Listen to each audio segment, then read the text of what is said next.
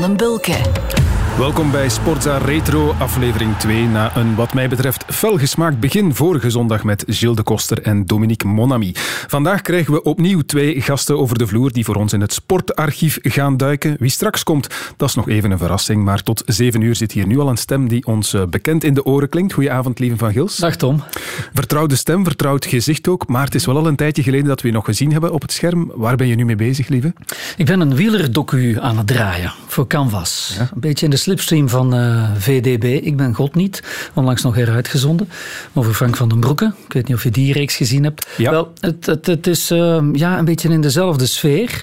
We vertellen het verhaal van, uh, van vijf wielrenners, twee, vijf jonge gasten die dromen om uh, profielrenner te worden en die samen gaan trainen langs de Schelde, elkaar daar vinden, vrienden worden en beginnen te dromen ja, en denken dat de wereld aan hun uh, voeten ligt, mm-hmm. totdat natuurlijk het echte werk komt. En uh, ze in de koers terechtkomen, concurrent worden en op een of andere manier ingehaald worden door het noodlot om op een manier je durft het zelf niet te verzinnen. En die vijf, dat zijn um, Ilio Keijsen, die nog altijd uh, koerst. Even op non-actief natuurlijk. Ja. Net als uh, Bert de Bakker. Jammer genoeg, want wie weet is het, is het in het laatste jaar dat nu wordt ingekort. Um, Kurt Hovelink, die er nog wel is, maar is moeten stoppen. Omdat hij ja, tijdens een trainingsritje destijds op zijn hoofd is gevallen. En dan twee renners die er niet meer zijn. Wouter Weiland en Dimitri de Vouw. Tragisch verhaal. Heel, er is ook een boek heel, over geschreven, ja, dacht ik. Een paar jaar ja. geleden. Ja. Door een uh, journalist, Matthias R. de Klerk. Knap gedaan hoor. Um, die heeft een aantal mooie verbanden gezien. En ja, ons op het idee gebracht om dat ja, eens naar, uh, naar beelden en naar uh, tv te vertalen. En ik heb al nou, veel interviews gedaan, bijna allemaal gedaan. Oef, heftig. Ja, is veel geweend. Tom. Ja, maar Zware problematiek, hè? Ja, maar ook mooi hoor. Heel mooie momenten bij ook. iets om naar uit te kijken. Op Canvas dus, wanneer precies? Dat weten we nog niet precies. Het zal uh, eind van de zomer klaar zijn. En wanneer het wordt uitgezonden in het najaar of misschien zelfs in het voorjaar van 2021. Dat is niet in onze handen. Oké, okay, dat zien we dan wel. Uh, terug naar de sport wel eigenlijk uh, zo'n beetje. Heb je, heb, je, het wat gemist de voorbije hmm. jaren? Want je hebt iets anders gedaan tussendoor natuurlijk. Ja, ja, ja, ja. maar nooit sport nooit losgelaten. Hè? Nee. nee, altijd blijven volgen, blijven kijken ook. Jullie bezig zien, altijd prettig gevonden. Ik heb zelfs zo nog een, een guilty pleasure. Als ik 's morgens de krant lees, eerst alle sportpagina's. Ja, vind ik het leukste, ja. leukste gedeelte. En dan kom ik daartoe. Want de rest moet ik toch allemaal nog lezen en moet ik allemaal ver, verorberen. Dan heb ik dat toch al gehad. Kunnen ze mij dat niet, niet meer afpakken. Kijk, het zit erin en het gaat er nooit meer uit. Nee, nee. Oké. Okay. In dat verband, we gaan eraan beginnen, lieve, met onze snelle vragenronde, zoals we die noemen. Oei. Ben je daar klaar voor? nee, maar goed. Okay, Shoot. Daar gaan we. Lieve, je bent geboren in 1964, het jaar van de Olympische Spelen in Tokio. Weet je nog welke twee Belgen toen een gouden medaille wonnen? Gaston Roelands in ieder geval, hè? Goud. Mhm. Stiepel was dat zeker. Maar dan, wie nog? Oeh. Mm, Roger Moens niet, dat denk ik nee. toen. Gaston Roelands is al correct, ja. dat kan ik zeggen. De tweede moet je gaan zoeken in het wielrennen. In het wielrennen? Ja. Eddie Merckx als, uh, als amateur dan? Nee, je moet het op de piste zoeken. Godverdorie, man. Op de piste, nee. Hij is nog niet zo lang geleden 64. overleden. Ja. Zal ik het zeggen? Ja. Patrick Sercu. Maar ja, natuurlijk. De grote pistier. Voilà. Dat ik dat inderdaad. kan vergeten. Ja. Sorry, sorry, sorry. Patrick. Nee, dat is niet sorry, zo. Sorry, Christophe. Dat is ook al lang geleden. Hè. Ja, ja, ja, en ik was er nog niet. Ik kon het Ja. niet live meemaken toen. Hè. Nee. Ook lang geleden, maar dat weet je wellicht nog beter. Je eerste stappen in de media, die heb je gezet bij de toenmalige BRT. In je beginjaren zelfs nog op de radiosportredactie. Klopt, Ja? bij Jan Wouters. Ja. Ja. Jan Wouters, daar uh, wil ik toe komen. 4 juni, dat is de datum waarop hij gestorven is. Weet je hoeveel jaar het geleden is dat hij zal overleden zijn komende 4 juni, over enkele weken? Dat moet, ja, moet gestorven. In 2010 is hij gestorven, dat moet dan tien jaar geleden zijn. Ja, dat is correct. Is er één sportgebeurtenis waar je spontaan aan terugdenkt van je periode op de radiosportredactie? Wel, ik zal zeggen, ik was toen um, bijna altijd op de redactie zelf. Mhm. Dus ik werd toen nog niet uh, uitgestuurd en ik was toen nog aan mijn legerdienst bezig. Ah, ja. Zelfs Tom, ik ging tijdens de weekends uh, op de radiosportredactie werken en in de week nog op de wereldomroep. S'nachts om mijn, uh, ja, ik, ik was soldij, dat was maar 100 euro per maand, toen nog in Belgische franken uitgedrukt. Dus ik moest wat kost zien te verdienen en dat deed ik op de radiosportredactie. Dus je vraagt nu naar een een, een, een memorabel moment. Maar als je vooral op de redactie zat, dan was je er nog niet echt bij, laat ons zeggen, in het veld. Hè. Dat is uh, pas later mm -hmm. gekomen. Oké, maar je was wel ja, onder de vleugels van Jan Wouters, tien jaar inderdaad. Daar gaan we binnenkort uitgebreid op terugblikken hier in Sportza Retro. Maar je echte radiocarrière, lieve, die heb je niet gemaakt bij de sport. Het gaat vooruit met Lieven van Gils. Hoi, vrijdagmiddag. Dan proberen we hem hier omhoog te krijgen. De temperatuur moet omhoog, maar ook de spanning, het volume. We willen het allemaal zien toenemen vanaf nu. Om het met Buster Rhymes te zeggen: Turn it up, fire it up. Oké, okay. geef dan Buster, Buster. Check it out. ja, vlotjes, inderdaad. Tien jaar smooth gedaan bij Studio Brussel. Tien jaar, lieve, heb je ook interviews gedaan in de Ronde van Frankrijk voor Vive le Vélo. Ja, langer zelfs. Was, uh, was het langer? ik ben veertien keer naar de Tour geweest. Kijk, oké. Okay. Maar goed. Uh, maar wie was de meest vervelende renner, dat wou ik vragen, die je ooit aan je tafel kreeg in Vive le Vélo? Dat zal wel Lance Armstrong geweest zijn, zeker. Nooit echt aan tafel kunnen interviewen. Ooit is bijna gestrikt, morgens om zes uur onze set daar gaan opbouwen aan het uh, meer van Annecy. Ik weet het nog. We hadden een halve afspraak met iemand uit zijn management en hij kwam daaraan. Hij wilde die tafelwet tekenen, want hij besefte dat het voor een goed doel was. Hij zet snel zijn handtekening. Ondertussen had onze uh, klankman al een microfoon geprikt om hem zo op een of andere manier vast te binden en hem om aan die tafel te krijgen. Maar hij heeft die koeltjes uitgedaan. Hij is vriendelijk gebleven. Okay. En is gaan lopen. Ja, maar tot een echt gesprek is het niet gekomen. Met vele anderen wel natuurlijk, maar het waren niet altijd de vlotste sprekers. Dit was een van je gasten uit de Tour van 2015. Peter, I have to say thank you first. Thank you for bringing us so much joy. It is a pleasure watching you racing on a bike on a day like oh, today. Thank you. I, yeah, I'm trying my best, but uh, first for me, and mm. then uh, yeah. Thank you for. Uh, no, no, it's a compliment, and I and I mean yeah. it. Peter Sagan, ja. toen vonden we dat allemaal nog geweldig, zijn interviews, maar eigenlijk zegt hij weinig of niks. Ja, toen, toen niet, maar toen kon hij nog niet veel Engels. Hij reed toen nog bij Liquigas, uh, ja. excuseer, Liquigas geloof ik. Later kon hij wat beter Engels spreken, kon hij zich uitdrukken. Ja. En daar heb ik daar fantastische interviews mee gedaan. Want toen, ja, toen, uh, toen kwam hij echt nog niet uit zijn woorden. En mijn Italiaans was niet goed genoeg. Mm -hmm. Dat was dus wel een probleem. Laat, laat staan mijn Slovaaks. Ja. Maar ik heb hem ooit ook geïnterviewd dat ik op hem uh, uh, zat te wachten. Live om hem live te interviewen aan die tafel. Hij komt uit zijn, uit zijn hotel gelopen en ineens plant hij een klauw in mijn schouder. en ik draai me om ik, en ik zeg, wie is dat hier? Peter Sagan. En toen heeft hij echt de hele avond bij ons gezeten. En heb ik hem nog trappist zien drinken. Is hij met zijn, zijn liefje en zijn hondje gaan wandelen. Was heel, heel relaxed. Dus ik heb ook fijne momenten met die gast beleefd. Leuke gast was een fragmentje uit 2015. Dat was je laatste jaar, als ik me niet vergis, bij Vive le Velo. Weet je nog welke Belg in 2015 als enige een rit won in de Tour? Dat zal Van Avermaat wel zijn, hè? Nu nog 100 meter. Sagan tegen Van Avermaat. Van Avermaat tegen Sagan. Sagan komt erover. Maar Van Avermaat wint deze etappe voor Peter Sagan. Hij heeft hem binnen. Woe!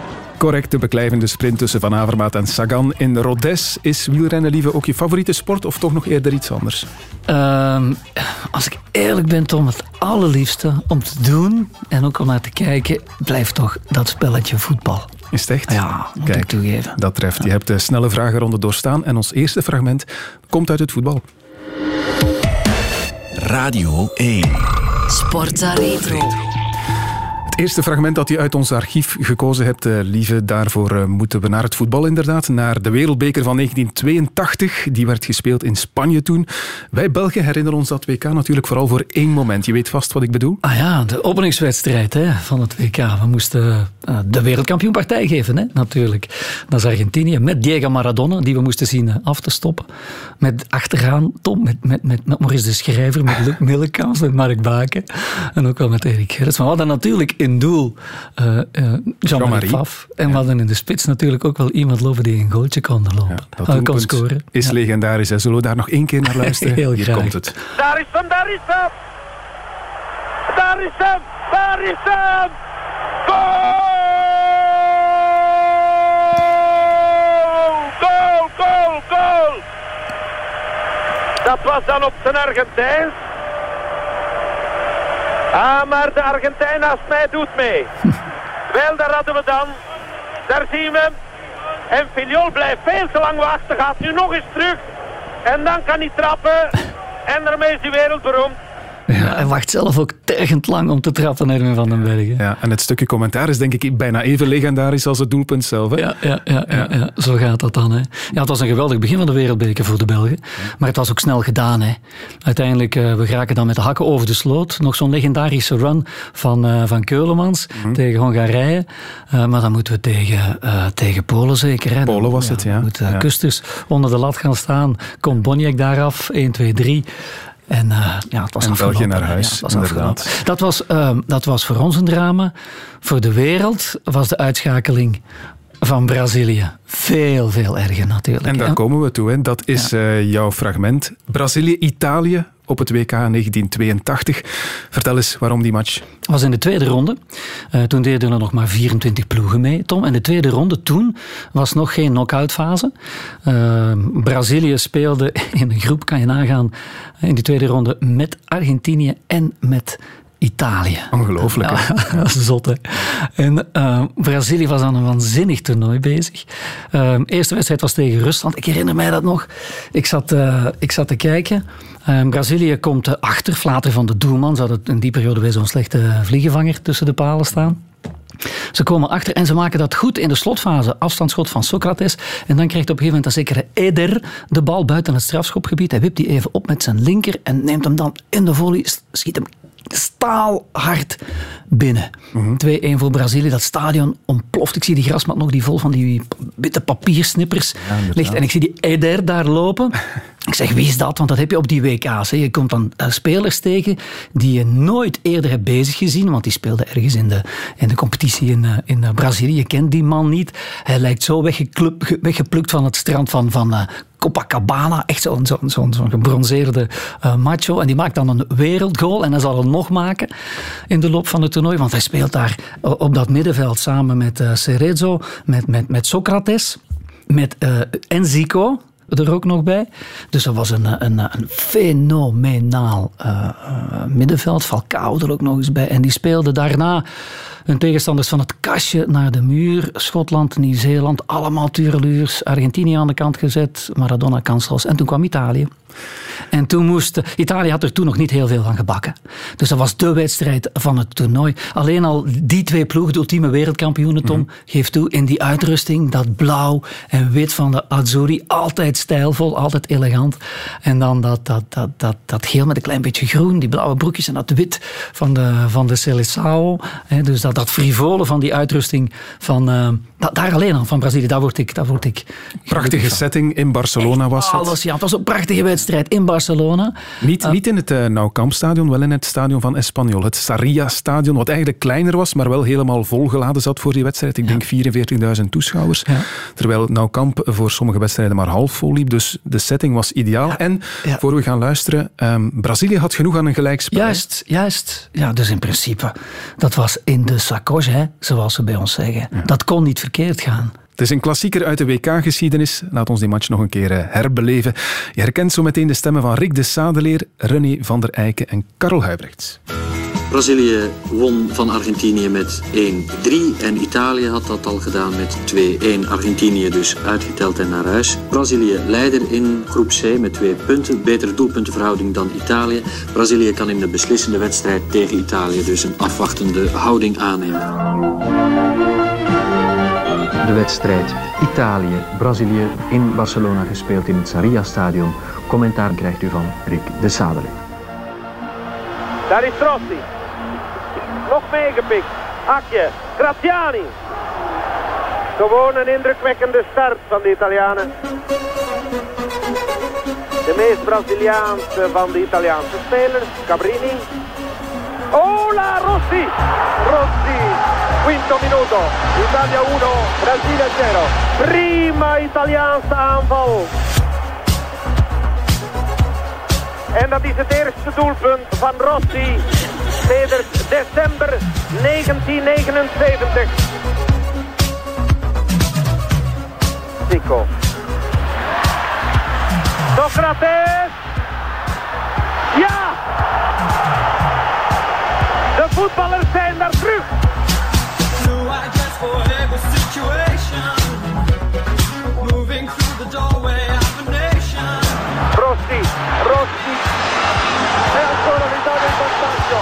Dus na 45 dolle minuten een 2-1 voorsprong voor Italië. En dan ook even stellen voor zover dat uh, nodig is, maar niet een open deur intrappen dat uh, deze ploeg uh, geen Pele in zijn drangen heeft. Socrates!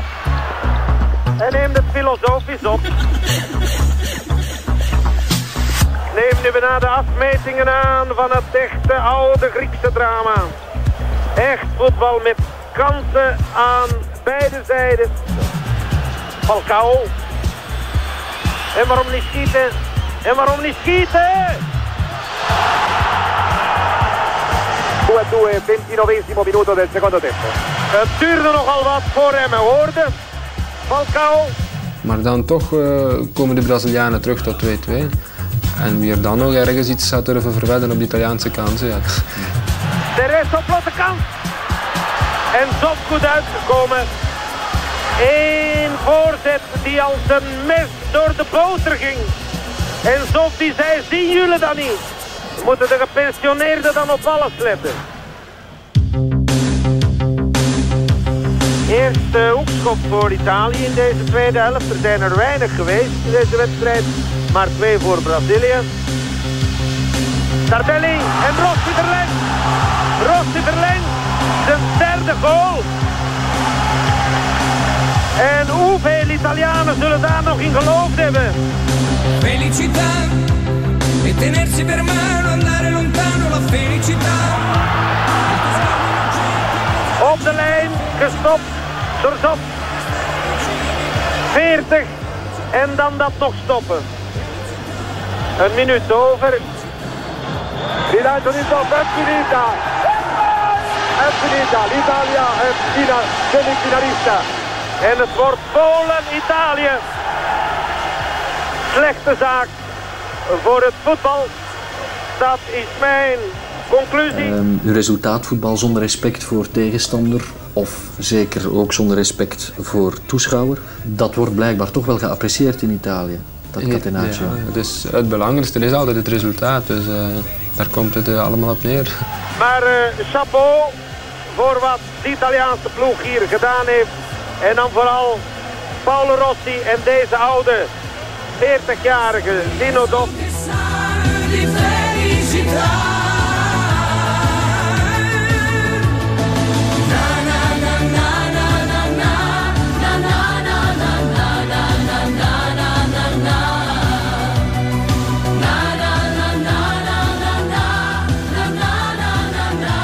Voilà. 3-2 voor Oh, Italië. Ik ben bijna even verdrietig als toen. Ja. Oh, zo spijtig, zo spijtig. Maar ze hebben het voor een stukje aan zichzelf te danken, hè, Tom. Het was 2-2, 20 minuten voor het einde. Ja, dus, en je uh, hoort ook, ze kunnen, ze kunnen in de, in de uh, aankondiging ze kunnen een afwachtende houding aannemen. Aan een gelijkspel hadden ze genoeg, maar dat konden ze niet. Hè. Ze speelden zo graag vooruit, alleen maar aanvallen, aanvallen. Mhm. Altijd op een speelse, op een frivole manier. Want dat was het inderdaad. Hè. Ik, ik heb gelezen, want ik was nog iets te jong om, om die match uh, echt live gezien te hebben, dat ze bij die 2-2 ook nog altijd bleven ja. aanvallen en, en er niet ja. in slaagden om gewoon te zeggen, oké, okay, we bekijken het nu even. En, uh, Natuurlijk niet, maar zo vol van zichzelf. Ja, uh, nonchalant, arrogant, zo zou je het ook kunnen noemen. Dat tweede doelpunt van Italië, Cerezo, die speelt daar een bal breed in de verdediging. Als, ja, als ze dat ons, bij ons bij de minime doen, dan word je zo van het veld gehaald. Je doet het op een WK. Dat wordt afgestraft. Ze laten uh, Paolo Rossi ook veel te veel lopen. Die was onzichtbaar geweest tot op dat moment in dat toernooi. En die maakt er nu drie. Als een coole killer maakt hij ze allemaal uh, af. Ja. Ik, dacht, ik dacht net even, als, als, wij in verdediging, als zij in de verdediging misschien uh, Maurice de Schrijver hadden staan Luc Millekans en Mark Baken, hadden ze misschien gewonnen. Ja, of in de spits, ja, je hoort Rick de Saan het zeggen, ze hadden geen echte killer in de spits, geen Pele. En de Italianen hadden wel Rossi natuurlijk, hè, die op dat moment ontplofte. Die is nog topschutter geworden ja, ja, van het WK. Ja, ja, ja. Je gaat er daarna nog maken. Ja. Dat is natuurlijk het, het, oneerlijke van voetbal, ook het mooie aan voetbal. En de Italianen hebben natuurlijk wel het goed gemaakt door in de, uh, in de finale te winnen van, van, van Duitsland of van West-Duitsland. Het had niks tegen Duitsland natuurlijk, maar die hadden al de hoon van de wereld op zich gehaald door de schande van Gijon. Dat was in dat toernooi. Hè, dat ze tegen Oostenrijk speelden en het op een Mhm. akkoordje gooiden. En stopten met uh, voetballen. Dus dat hebben de Italianen dan wel uh, rechtgezet. Dat doelpunt van Tardelli, van Marco Tardelli in de finale. Prachtig, hè? die, die gezichtsemotie. Dat is die fantastisch. gebalde vuisten, die armen breed en die blijft maar lopen, die blijft maar lopen. Dat is pure extase. Ik denk dat ik zelf toen ook zo rondliep nou, met, bij, bij dat doelpunt. Ja, ik word er weer helemaal lyrisch van als ik het allemaal terugzie. En, en terug hoor ook, dat fragment. Ja, leuk, hè? Ja, Italië inderdaad wereldkampioen toen in 82. Nu, Brazilië is later ook nog wel weer wereldkampioen geworden. Maar eigenlijk misschien nooit meer met het mooie, echte, prachtige voetbal van toen in 82. Nee, met dat swingende voetbal, met dat middenveld, dat was werkelijk uh, du jamais vu. Dus uh, ze wilden heel graag toen, het was toen al een tijdje geleden, en ze hebben ook nog een tijdje moeten wachten hè, voordat het nog eens zo ver was. Maar jammer dat die generatie dat niet heeft kunnen verzilveren. Ik lijk wel over de Rode Duivels bezig te zijn, Tom. Ja. Maar die hebben nog een paar kansen. Hè? Die hebben nog een kans. Ik ja. denk dat je 18 jaar was toen. Klopt het? Um, had je geen examens of zo, uh, lieve? Ah, maar ik heb met de examens altijd veel geluk gehad. Al 18 jaar, Tom, even rekenen, net afgestudeerd. Mijn ja. laatste jaar humaniora. Vier jaar later afgestudeerd aan de, aan de universiteit. Ik heb geen seconde moeten missen van al die wedstrijden tijdens het ja. WK. Radio 1. Sportza Retro. Van een klassieker uit de voetbalgeschiedenis gaan we naar een klassieker uit het tennis. Wimbledon 1980. Bjorn Borg, John McEnroe. Een legendarische finale tussen die twee. Lieve, eerst wil ik even weten. Ben jij ook een tennisman dat je dit ook gekozen hebt? Ja, ik speel ook, uh, ik speel ook een beetje tennis. Niet geweldig goed hoor, maar ik doe het heel erg graag. Tegenwoordig is dat heel veel dubbele plezant om te doen. Maar destijds ook. Ik was toen een jaar of 15, 16. En ik uh, ging veel rond op de tennisclub. Een hele dag eigenlijk. Ja. In de vakantie. En ik was een uh, grote fan van Björn Borg. Je hebt het ook professioneel gevolgd, de tennis? Ja, dat was heel fijn. Ik heb um, um, alle Grand Slams mogen meemaken. Toen was er nog iets meer geld. Tom mochten we nog ter plaatse ja. Uh, ja, commentaar gaan geven. We hadden natuurlijk ook de toppers in huis, wereldtoppers. Hè, met Justine Henin en uh, Kim Kleister. Dus echt wel een heel, heel mooie periode mogen meemaken. Ja, absoluut. Ja. Nu, ik heb het even nageteld. Er zijn 133 mannenfinales gespeeld op Wimbledon. En jij pikt er dan eentje uit, die van 1980 dus, tussen jouw held uh, Bjorn Borg mm. en McEnroe. Waarom was die zo legendarisch? Ja, het is een clash tussen twee... Um, persoonlijkheden, twee verschillende speelstijlen ook natuurlijk. Enerzijds heb je ja, Björn Borg die vanuit, uh, van op de baseline uh, zijn tegenstander probeert uh, te counteren. Wacht tot hij die kan passeren en ja, heel snel met zijn, met zijn voeten was. En anderzijds de, de rookie, hè, dat, dat jong geweld uit Amerika, um, John McEnroe, die, die altijd naar dat net stormde, soms onbezonnen. Mm-hmm. Maar altijd in de aanval ging. Um, ook met touch hoor, want uh, onderschat uh, niet. Was, uh, een, een, een, heel, was een briljante speler. Zeker geen uh, powertennisser zoals, ja. Powertennis kwam dan zo na McEnroe wat op. Tweede helft van de jaren 80, zeker in de jaren 90, toen was zijn rijk ook eigenlijk snel uitgezonnen. Um, of uitgezongen. Maar McEnroe was als persoon natuurlijk ook helemaal iemand anders. Hè. Altijd opgefokt, kwaad op, uh, op zichzelf, maar vooral op de wereld. Die speelde altijd alsof heel de wereld tegen hem was. Ja. En dan natuurlijk in de eerste plaats uh, de mensen in het stadion, maar vooral de scheidsrechter. Mm. Die kreeg het altijd heel, heel hard te verduren. Maar trouw, trouwens, voor de finale, in de halve finale, had hij tegen Jimmy Connors ook nog hard uitgehaald. Tegen de umpire. En had hij nog een waarschuwing gekregen. Toen hij op het veld kwam voor de finale, werd hij uitgefloten door het publiek. Maar dan was hij op zijn best. En dat was broekventje eigenlijk nog, want hij was maar 21. Was 21, ja. ja. Maar pas op, Björn Borg was toen een gevestigde waarde. Was de koning, zeker van Wimbledon en van, van Roland Garros. Had Wimbledon al vier keer gewonnen op een rij. Maar was toen ook nog maar 24 of zo, Klopt, geloof ik. 24. Op zijn 26e ja. gestopt. Toen was het al uh, op. Twee totaal verschillende spelers, twee heel grote figuren uit de tennis mm. tegenover elkaar. Dus in die finale van 1980. Het is een vijfzetter geworden. We gaan eens luisteren hoe dat gelopen is. The 1980 Wimbledon men's singles final showcased a contrasting matchup of styles and personalities as the ice cool Swede Bjorn Borg faced the volatile New Yorker John McEnroe.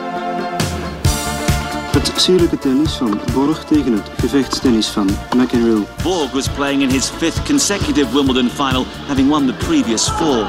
McEnroe was just 21 years old and playing in his first Wimbledon singles final. The stage was set for an intriguing showdown. Maar Borg was niet in zijn gewone doen en McEnroe won de eerste set met 1-6. Borg fought back. En we zijn in de vierde set waar het 6-6 werd. Borg had ondertussen drie wedstrijdpunten verloren. Tiebreak dus. Een tiebreak die de bloeddruk tot boven het normale niveau bracht. Dit is adembenemend. Wat een slot. Als het het slot is.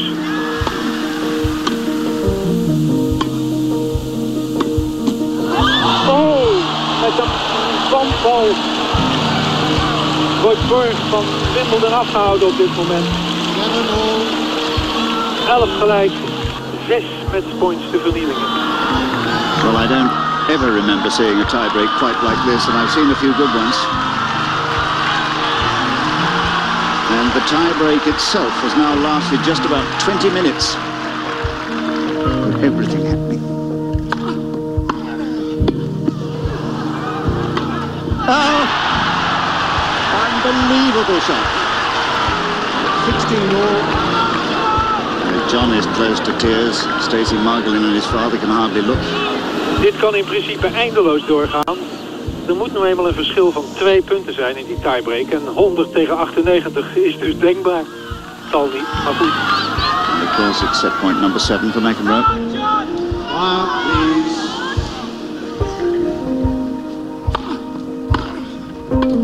Yes, two sets all. 18-16 in de tiebreak.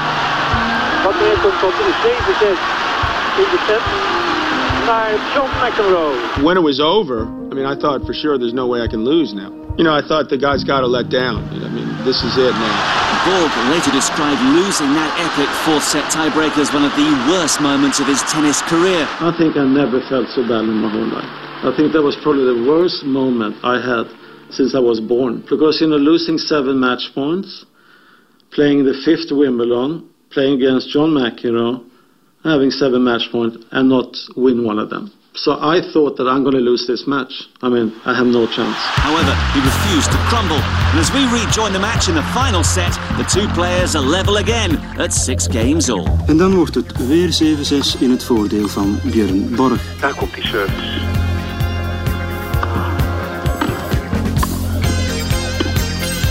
Oh, wat een schitterende passing. En het is de titel van Borg De vijfde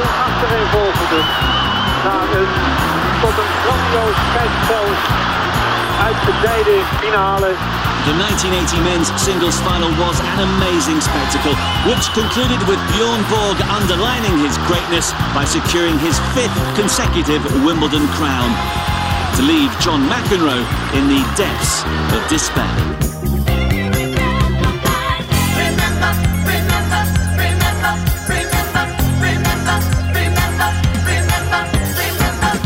Ja, we gaan ze zeker onthouden, die eh, finale van 1980. Vooral die vierde set, lieve 18-16 in de tiebreak.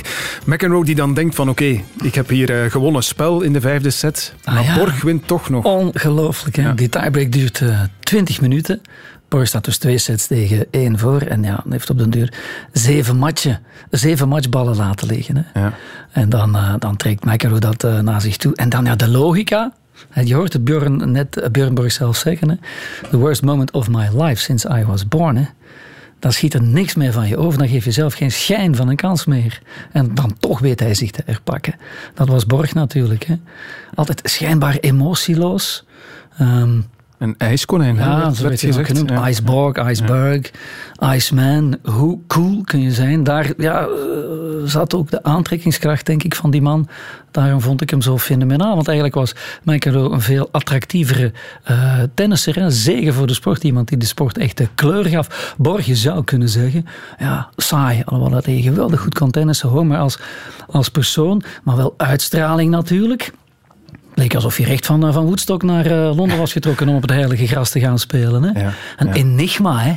En ja, je hebt het of je hebt het niet. Charisma. Je had ook in die tijd inderdaad nog, nog Jimmy Connors, Boris Becker. Vergelijk eens die helden van toen met die van nu. Waren dat toen toch grotere figuren, grotere persoonlijkheden nog dan, dan die we nu kennen?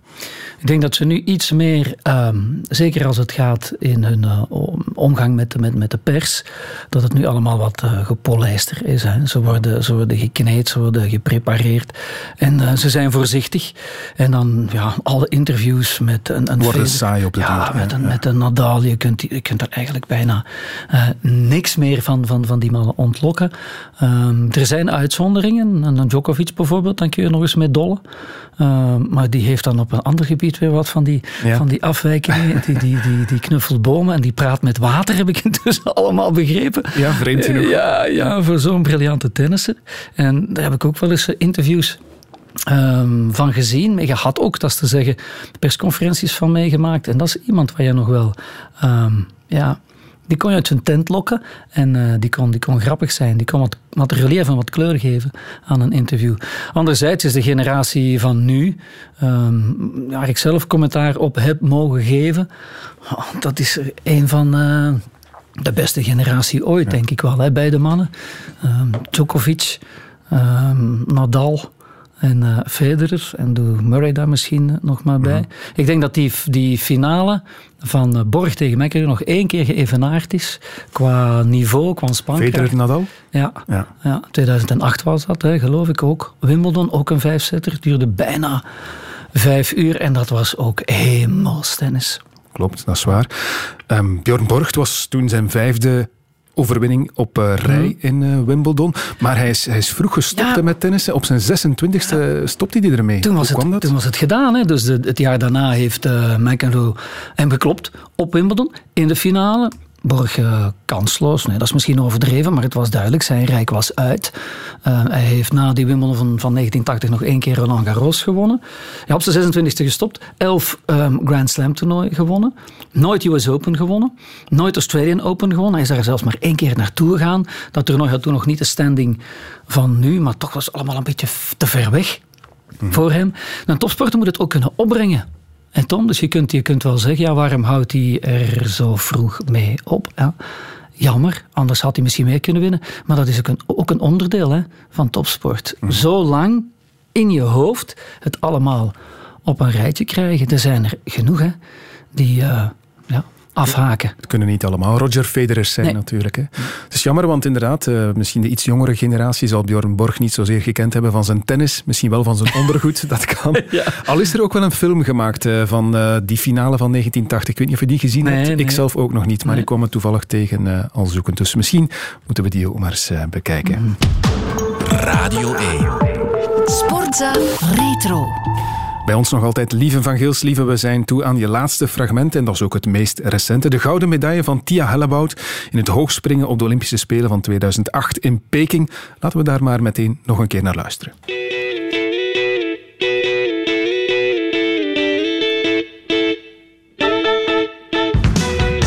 Lieve van Gils in Peking. Heel België kijkt nu uit naar die hoogspringfinale. We hebben nog geen medailles en we hopen nu op Tia Hellebout.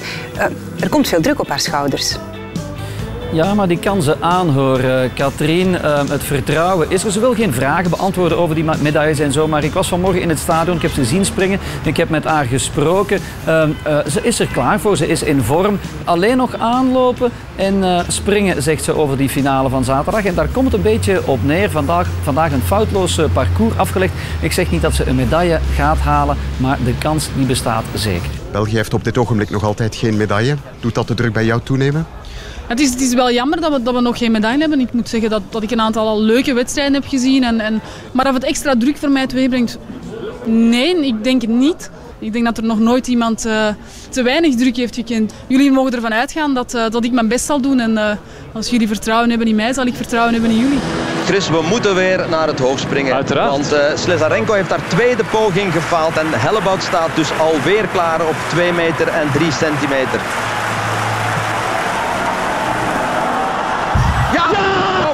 Yes, yes, yes. Woehoe. Oh, fantastisch. 2 meter 3. Slezarenko moet nu springen en als ze faalt hebben we een bronzen medaille zeker. En er kan nog altijd meer. vierde sprong die België een bronzen medaille kan opleveren. Ja, we hebben brons. We hebben zeker weer een tweede medaille. Geweldig. Ho, ho. Wat als Hellebout nu over 2 meter 5 zou gaan? Zij komt er zo dadelijk aan.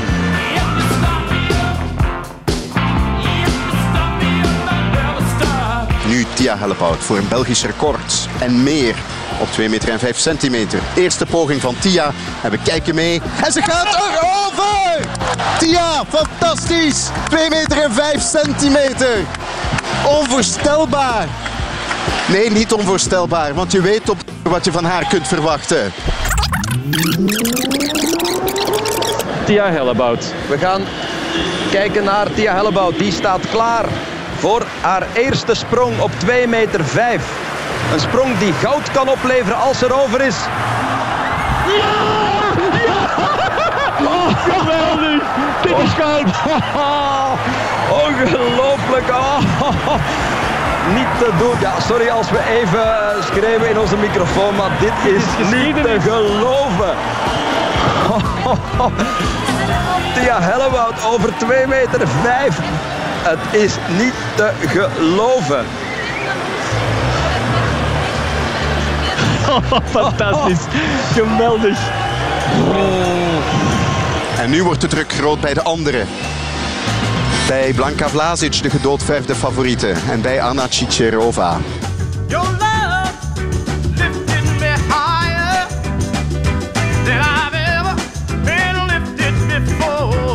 Zometeen het vervolg van het hoogspringen. Wat zal het worden voor Tia Hellebout? Goud of zilver? Het antwoord kennen we over enkele minuten misschien al. Geweldig. Wat een, wat een avond daar in Peking. Wat een sportnamiddag hier ook op Radio 1. Blijf vooral luisteren. We kunnen nog goud halen, maar dan moet Tia wel heel erg hoog springen. Ja, ja. En, en Ruud Joost die ging daarnet zelf denk ik even hoog als Tia bij haar uh, zou gelukte poging. Ik kan nog veel hoger, wacht maar.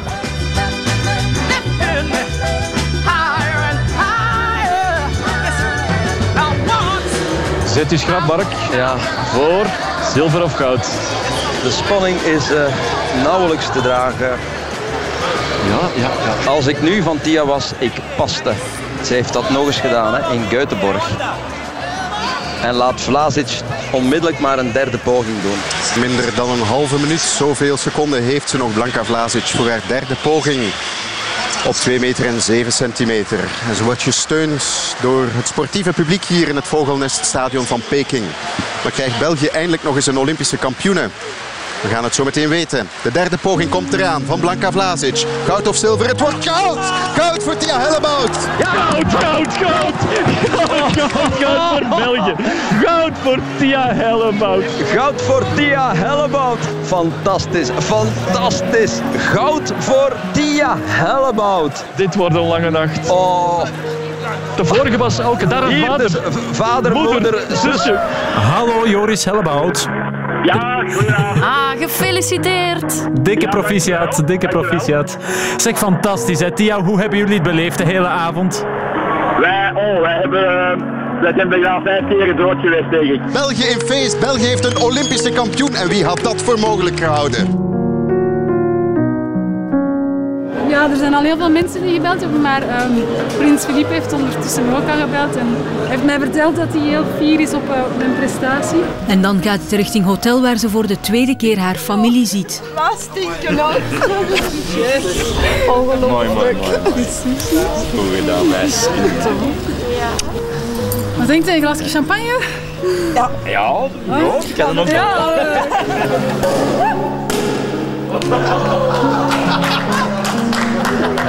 Daar was ik bij, Tom. Die, die champagne... Die, die, ja, is waar? Ja, ja, die kurken die eraf knalden. Want we zijn toen heel de nacht bij haar gebleven. Ze moest dan nog van hot naar her interviews. We hebben haar ook nog live geïnterviewd in het eh, journaal, geloof ik. En dan moet ze s'nachts nog inderdaad terug naar haar familie. Naar haar hotel. En wij hebben ze toen met onze cameraploeg daar s'nachts nog eh, afgezet. En dan hebben we ons uh, teruggetrokken. En dan ook maar even op zwier geweest, want het was, was de, de, voorlaatste dag van de Olympische Spelen. Hè, ah, ja, ja, wat, wat wil je? Uh, je bent daar dan. Uh, wij zaten in de perstribune met een aantal collega's, degenen die niet van Corvée waren. Je probeert je dan een beetje ehm, ja, netjes te houden mhm. als uh, sportjournalist, want er zitten natuurlijk ook Kroatische journalisten uh, naar Blanka Vlasic te kijken en, en, en voor haar te supporteren. Maar dan val je toch uit je rol. Maar ja, ik heb net gezien of gehoord, wij waren niet de enige. Chris Meters en Mark Willems. Die hadden ook de dag van hun ja, leven. die gaan, die gaan ook uh, door het dak natuurlijk. Het is ook lastig, hè? je zit te supporteren voor voor Tia. Maar dat is heel raar aan, aan hoogspringen natuurlijk. Ze gaat dan over 2 meter en 5. Dan besef je wel, oeh, nu legt ze ja, haar vingers op die gouden medaille. Want bij 2 meter, 1,99 geloof ik, 2,01, 2,03 ging het moeizaam. Hè? Telkens de mm eerste poging ging mis. En dan gaat ze over 2 meter en 5. Dat is heel erg hoog van de eerste keer. En dan weet je, oeh, nu wordt het lastig voor, uh, voor Vlasic. Dus dan, dan spring je recht, dan, dan juich je in die, in die, in die tribune. Maar dan, dan moet Vlasic nog springen. En dan hoop je eigenlijk dat ze het niet haalt. En dat is eigenlijk heel erg onsportief, want dan moet je beginnen ja, hopen dat iemand iets niet kan. Ja, en, maar is, dat is normaal. Hè. ja, goed. goed ja. Soms worden journalisten ook een heel klein beetje supporter en op dat moment moet dat ook wel Mag het wel, want het was historisch ook, hè, Tom. Dat was de eerste uh, gouden medaille, eerste medaille toekoer, geloof ik, in de, in de atletiek sinds 1964. Hè. Ja. Tegen Vlasic, de gedoodverde favoriet, want je hoort het ook in de, in de voorbereidende gesprekjes. Ze gaat voor een medaille, hè. ze hoopt echt niet op goud. Vlasic die was onklopbaar, had alles gewonnen wat er te wonnen viel. Alleen nog geen goud op de Olympische Spelen. Ik denk dat uh, Tia die medaille ook al rond de nek van Vlasic zag hangen. Mhm. Zeker toen ze zo ja, wat moeizaam begon te springen. Vlasic zal ook wel gevoeld hebben, dit komt goed. Ja. En dan zie je plots Tia die blik als op, op, op 2 meter en 5 in die ogen. Die koelbloedigheid die ze dan aan de dag kan leggen, want dat had ze wel. Als het echt moet, dan, uh, dan doet ze het. Hè. En dat heeft uh, Vlasic doodgedaan. Ook het feit dat ze dan gepast heeft natuurlijk. Toen moesten die sprongen voor Vlasic veel te snel op elkaar komen. Ze is nog wel over 2 meter en 5 gesprongen. Hè. Pas op, om maar te mhm. zeggen. Ja, het was niemand, uh, kantje boord ja, En niemand is ooit in een Olympische finale in het hoogspringen bij de vrouwen over 2 meter en 5 gesprongen naar goud. Om maar te zeggen, heel hoogstaande competitie was Wat, dat. Uh, ook nog bijgedragen heeft tot die enorme ontlading was natuurlijk het feit dat België op die Spelen van 2008 maar twee medailles gehaald heeft. En de eerste was de dag ervoor, ja. meisjes van de 4x100. Ja. En dan had je Tia. En de Spelen waren zo goed als klaar dan. Ja, die hebben het op het einde nog uh, helemaal gedaan voor ons. En het bleken er twee gouden te zijn. We dachten dat ze op de 4x100 um, op de estafette zilver hadden gewonnen. Dat hadden we zien gebeuren. Maar die, mm -hmm. uh, ja, die Russen die zijn hun medaille um, achteraf kwijtgespeeld natuurlijk, omdat ze het niet uh, volgens de regels gedaan hadden. Ja. Jij was erbij, Ja, dat is Jij uniek, was erbij. Ja. Ik ging het net vragen, is dat voor een journalist toch ja. ook het allerhoogste, die Olympische Spelen? Ja, ik moet eerlijk zeggen, ik heb uh, veel mogen meemaken. Van op de eerste rij, WK voetbal, uh, alle Grand Slam toernooien ter plaatse geweest, uh, de Tour ehm, vaak geweest. En dan kom je op de Olympische Spelen en dan besef je toch wel, ja, de Tour ehm, dan heb je zo'n karavaan van een paar duizend mensen die 200 renners achter elkaar reizen, kriskras door Frankrijk. Maar dat gaat over ja, een groepje wielrenners. Op de Olympische Spelen zie je dan plots 11.000 atleten rondlopen allemaal in de fleur van hun leven. Al die afgetrainde uh, lijven die het dan moeten doen. Hè. Eén kans om de vier jaar. Hè. Dat is echt een alles of niks moment. Dus je voelt, je voelt die, die, die spanning hangen. Ik, heb, ook nergens meer mensen zien wenen dan op die Olympische Spelen. Dus ik vond het wel uniek hoor. De, de, ja, die Olympics, dat is echt ja, de hoogmis van de sport. En natuurlijk, de ene sport is de andere niet. De ene atleet is de andere niet. Als je het lijf van uh, Lionel Cox vergelijkt, mm -hmm. noem nu iemand die voor ons uh, een medaille heeft behaald op de Olympische Spelen in uh, Londen, waar ik dan ook was, in het karabijnschieten. Mm -hmm. Zet die naast een andere zilveren medaille, Pieter Timmers. ik noem maar iemand, ja, dan, ja dat, dat is een ander verhaal. Um, maar toch, dat is ook sympathiek dat die kleine sporten daar vertegenwoordigd zijn. En ja, van over de hele wereld. Iedereen daar tezamen om in allerlei sporttakken zich met elkaar te meten. Ja, ja dat is heel uniek. Je bent er drie keer bij geweest, Mhm. eh, in 2004, 2008 en 2012. Het feit dat je dit kiest, dit moment met Tia Hellebout, betekent dat dat ook de mooiste ervaring was? Ja, niet bepaald natuurlijk wel, omdat je op dat moment ehm, in dat stadion, je, je weet, eh, Tia schrijft daar geschiedenis. En je bent daar eh, getuige van. En dat heb ik dan ook Usain Bolt eh, zien lopen. En je bent daar dan eh, onderdeel van. Maar goed, ehm, in Londen zijn er dan weer andere momenten geweest. Hoewel wij daar sportief natuurlijk zeker niet zo straf uit de hoek zijn gekomen. Ehm, Vier jaar later in Rio was het dan weer eh, veel beter. En wat had het nu kunnen worden, Tom? Ja. Verdorie. Spijtig, hè? Ja, ja. want nu hadden we echt wel wat eh, ijzers in het vuur. hè. Maar goed, uitstel is geen afstel, zullen we maar zeggen. Volgend jaar dan maar. Oké, daar tekenen we voor. Het waren drie heel fijne fragmenten uit de sportgeschiedenis. Dankjewel daarvoor, Lieven van Geels. Veel succes nog met de wielerdocumentaire die je aan het maken bent. Dankjewel. Nog Veel werk aan trouwens. Nog veel werk. We zitten nu in de fase van eh, montage. Ik moet nog een paar interviewtjes doen. Die zijn blijven liggen. Ik had een afspraak met Fabian Cancellara gemaakt. Die heel graag wilde eh, meewerken. En heel veel te vertellen had over de betreurde Wouter Weiland. Maar ik maak me sterk dat we dat in de zomer nog wel eh, kunnen doen, dat interview. We kijken er naar uit. Dankjewel, Lieve. Bedankt, Tom. Radio 1. Sporza Retro. Tom van den Bulke. Welkom opnieuw bij Sportza Retro en welkom ook aan onze tweede gast van vanavond. Dat is Mark Hermans. Dag Mark. Hallo. Hoe gaat het met je? Ja, gezien de omstandigheden best goed. Heel veel quality time met de drie kids. En eh, ja, echt kindergarten kop de laatste negen weken. Ja, je hebt er drie inderdaad. Hè? Hoe oud zijn ze? Eh, zeven, vier en anderhalf. Dus ze hebben alle drie nog zorg nodig. En eh, morgen mag de oudste terug naar het eerste leerjaar. Dus Ja, het zal weer iets rustiger worden in huis, maar eh, zoals je zegt, het is druk zeker nu. ja, het is druk. En, eh, ja, we hebben ook een mini paardje en een hond en eh, wat eenden en wat kippen. En ja, ik ben eigenlijk constant bezig met het gezin. En eigenlijk is dat wel superleuk, maar het is ook voor mezelf van zesde versnelling terugschakelen naar eerste. Mhm. En het, is, het, is, het is wel raar, maar misschien het is even terugschakelen is niet slecht. Nee. Je hebt sinds je ongeluk een, een verlamming van je tenen tot je borst, zeg maar. Wat ik me zat af te vragen, moet jij nu meer oppassen dan iemand anders voor dat coronavirus? Heel veel mensen uit de medische sector die ik persoonlijk ken, zoals bijvoorbeeld Toon Klaas en zo, die zegt dat ik en- enorm moet uitkijken. Ja. Mhm. Omdat ik ook, eh, ja, mijn diafragma werkt eigenlijk niet meer, omdat mijn verlamming boven mijn diafragma valt. Wat is een diafragma ook weer? Ja, dat is tussen uw maag en uw longen dat een beetje meezorgt voor de ademhaling, denk Ja. ik. Ik weet ook allemaal zo goed niet. Hè, maar ja. ja, in ieder geval, eh, al wat dat met long, longproblematiek te maken heeft en met mijn hoogte van verlamming is, eh, is redelijk, ja, ik zal maar zeggen, gevaarlijk. Dus op zich ja, ben ik wel een serieuze risicopatiënt. Dus je bent de voorbije weken, maanden, zeg maar, vooral ook in je kot gebleven dan? Ik- toen ik naar hier reed, eh, bedacht ik mij dat het eh, in negen weken tijd de eerste keer is dat ik in een ander huis kom dan het huis van mezelf. Is het echt? Ja. ja. Dus je lezingen die je geeft en zo, dat staat ook allemaal on hold, veronderstel ik. Hè? Dat, dat kan niet anders. Ja, die zijn allemaal gecanceld of al verschoven naar volgend jaar. Mhm. En ehm, ja, ik denk ook dat dat een van de dingen is die als laatste gaan terugkomen. Denk ik in een grote zaal gaan zitten met allemaal mensen op elkaar.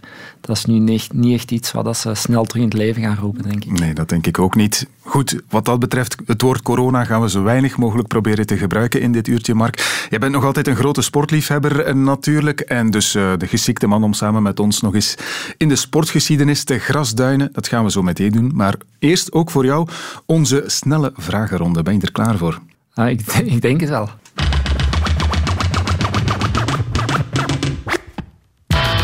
Mark, we gaan beginnen met een heel makkelijke vraag. Wie was de eerste Belg die de Ironman op Hawaii won?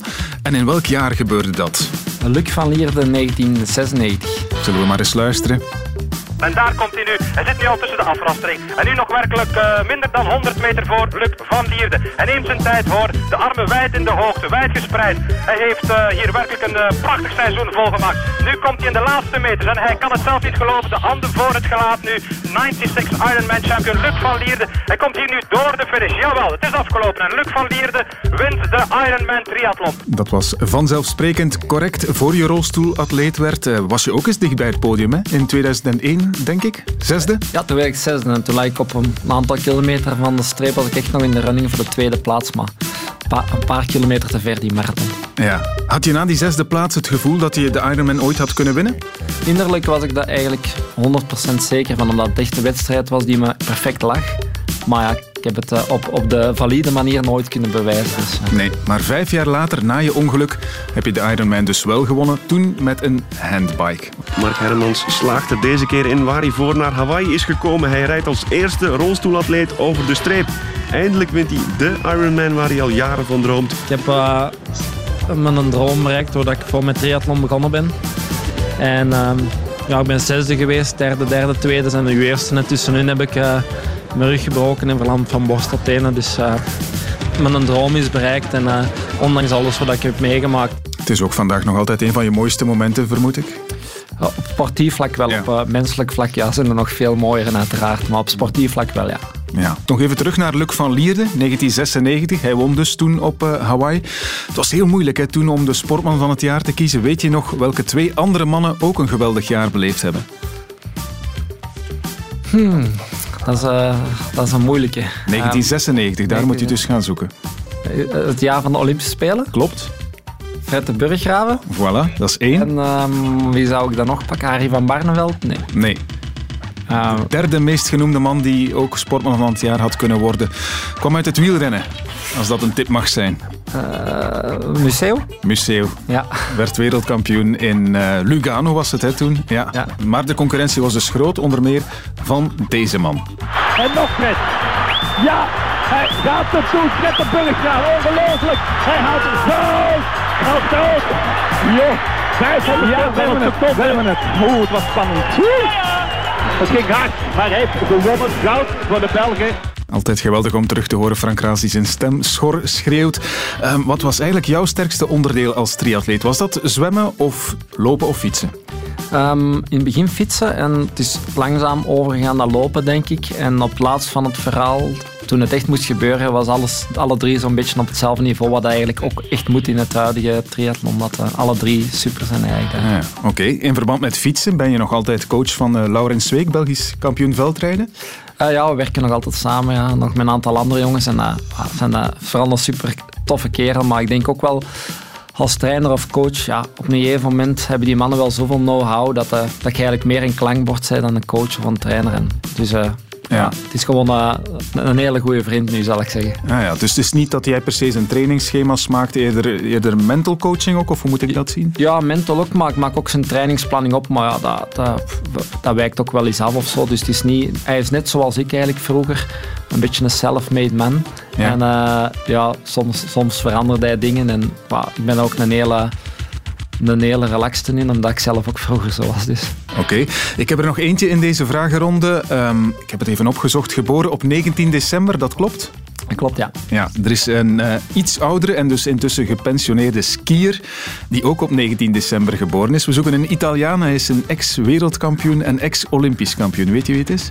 Uh, als het een Italiaan is, dan is het Alberto Tomba. Ja, dat klopt. Heb je die ooit zien skiën? Ik heb nooit zien skiën, maar hij was een uh, fantastisch atleet. Eén uh, één brok natuurgeweld en uh, ja, fantastische sportpersoonlijkheid, ja. denk ik. Ken je zijn bijnaam nog? wacht. Bomba. Nee, ja, ja, ja, je zit in de buurt. Tomba la Bomba. Tomba dat was la Bomba, ja. zijn bijnaam, ja, inderdaad. Geweldige figuur uit het skiën. Een van de beste skiers van de generatie van de jaren 80 en 90. En dus hij deelt zijn geboortedag met jou. Voilà. Daarmee hebben we Mooi. deze vragenronde al toch overleefd. Mark? Ja, oh, dat is fijn. Radio 1. Sportza Retro. Mark, we hebben jou drie fragmenten laten kiezen uit de sportgeschiedenis. We zijn nog maar toe aan de tweede aflevering van Sportza Retro. En dan heb jij het geluk, als ik het zo mag zeggen, dat de klassieker der klassiekers nog niet gekozen was. Het WK voetbal van 1986. En de rest mag jij vertellen. Ja, 1986, toen was ik, als ik uh, goed kan tellen, uh, 13 jaar. Uh, ik voetbalde zelf. En ja, die wedstrijd tussen België en de USSR, die was, ja, die was fantastisch. Hè. Dat was eigenlijk het verhaal van David tegen Goliath. Mhm. Mm -hmm. En ik was vroeger ook een ontzettende Rocky-fan. En dat was ook altijd een underdog die het kon halen tegen de, de grote. En eigenlijk in dit, ik denk in dat toernooi was België misschien wel een van de minste ploegen. Mhm. Mm -hmm. En de USSR was eigenlijk ja, de topploeg. En ja, dat die dan gingen kloppen met 4-3, dat was, ja, dat was fantastisch. Dat en de manier waarop vergeten. natuurlijk was ja, inderdaad fenomenaal. Mooi. Maar je zegt, je, je voetbalde zelf dus ook? Ja, ik voetbalde zelf ook, ja. Ik, ik voetbalde super graag. Alleen is het zo dat er uh, bij voetbal buiten lopen ook nog techniek aan te pas komt. De eerste, dat kon nog heel goed. Techniek, dat was een pak minder. Ehm, maar ik heb wel gevoetbald tot, uh, tot mijn 16, 17, denk ik. Ja, en je was 13 toen die wedstrijd gespeeld werd hè, op het 13, WK tussen België en de Sovjet-Unie. Weet je nog hoe en waar je die match gevolgd hebt? Um, volgens mij was het toen s'nachts die wedstrijd, klopt dat? ik denk het wel, ja, want ik heb toen... Die, uh, s morgens het eerste wat ik gedaan heb, was gaan kijken wat geweest was. Ik heb nadien natuurlijk duizend keer teruggekeken, omdat dat zo fantastisch was. Um, en vooral ook ja, de, manier waarop uh, de eerste helft werd eigenlijk totaal overklast. En dan de tweede helft, ja, dan, dan gebeurde precies iets, eh, iets, iets, iets magisch hè, onder, uh, onder de, de magische hoed van uh, Guy Thijs. En, uh, ja. ja supermooi. Ik ben nog iets jonger dan jij, maar ik herinner me het ook nog wel. Ik, ik sliep boven de woonkamer. Ik moest uiteraard naar mijn bed, want die match heeft geduurd tot half twee s'nachts, denk ik. Maar ik heb tot dan wel met mijn oor op de grond gelegen om het commentaar ah, ja. boven te kunnen horen. Dus uh, kijk, heel leuk dat je dit gekozen hebt. België tegen de USSR, dus achtste finale. 15 juni 1986 was het, in Leon in Mexico, met commentaar van Jan Wouters op de radio. En uiteraard Rick de Sadeleer voor de televisie. We gaan inpikken bij 1-1. Belanov en Schifo hadden al gescoord in die match en de rest hoor je nu.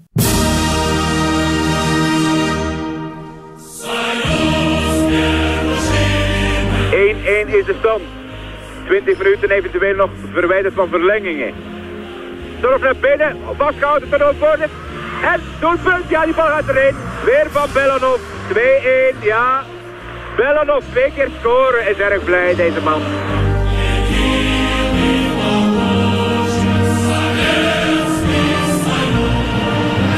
Buitenspel. Jan blijft kalm. Ja! Goal! De Belgica! Ja, buitenspel of geen buitenspel. Uh, maar hij jankt dan toch tegen de draad en dan weten dat het op het moment terug, terug een wedstrijd is, dat je terug 2-2 staat en uh, dat het weer alle kanten uit kan. Einde van de normale speeltijd 2-2. En we kunnen opnieuw beginnen. Of we kunnen doorgaan. We zullen doorgaan.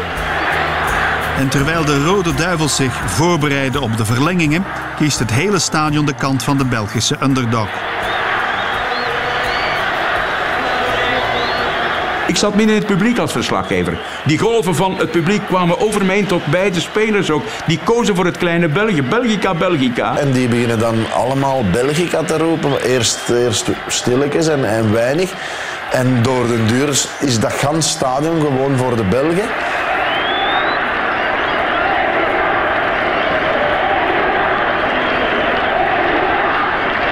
Eerste Gerrit.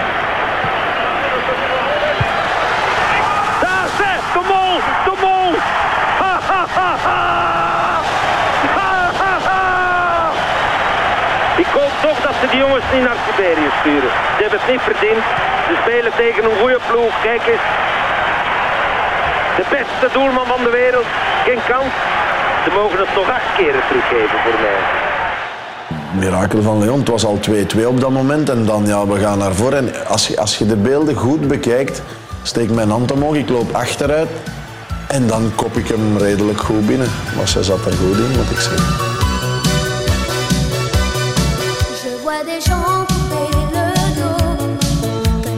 Kleisters nog. De Klaassen, Kleisters koppen. En nu Klaassen. Goal, goal, goal, goal, goal. 2-4. 2-4. Ja. Oh, oh, oh, oh. Santitar. Santitar. Nico Klaassen. Excuseer dat ik moet lachen,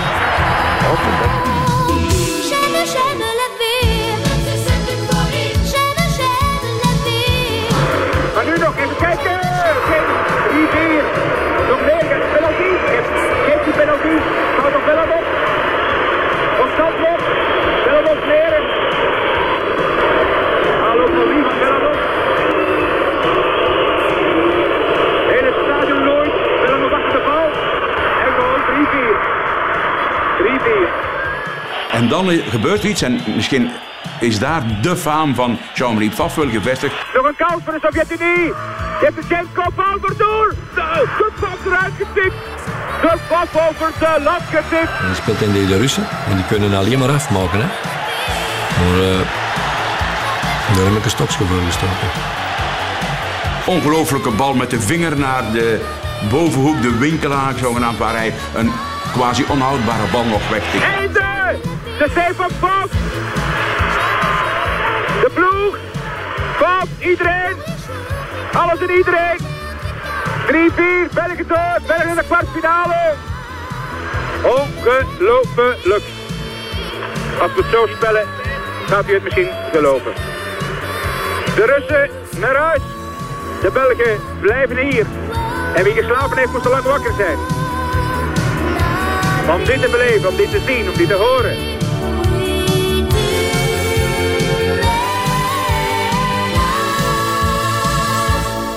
België tegen de Sovjet-Unie in 1986 hebben we allemaal al honderd keer weer herbeleefd, denk ik. Maar het moest er toch nog eens in. Het is toch altijd geweldig om het nog eens terug te horen, hè Mark? Ja, ik vind dat wel. En ik heb op internet uh, de documentaire over het WK um, zo dikwijls gekeken, uh, van 86. En uh, ja, dat is echt pure nostalgie. En toen waren het nog mannen met baarden. Hè. Ja. zonder schijnbeschermers aan. En Gerrits, Kleisters, ja, fantastische kerels.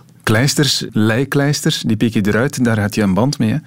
Ja, Leij was iemand die uh, samen met Kim eigenlijk na mijn ongeval... Het eerste kaartje dat in het UZ in Gent toekwam was van Leij en Kim.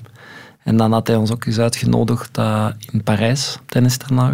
En ja, dat klikte enorm. We hebben Mm. super mooie tijden beleefd. En uh, ja, super kerel.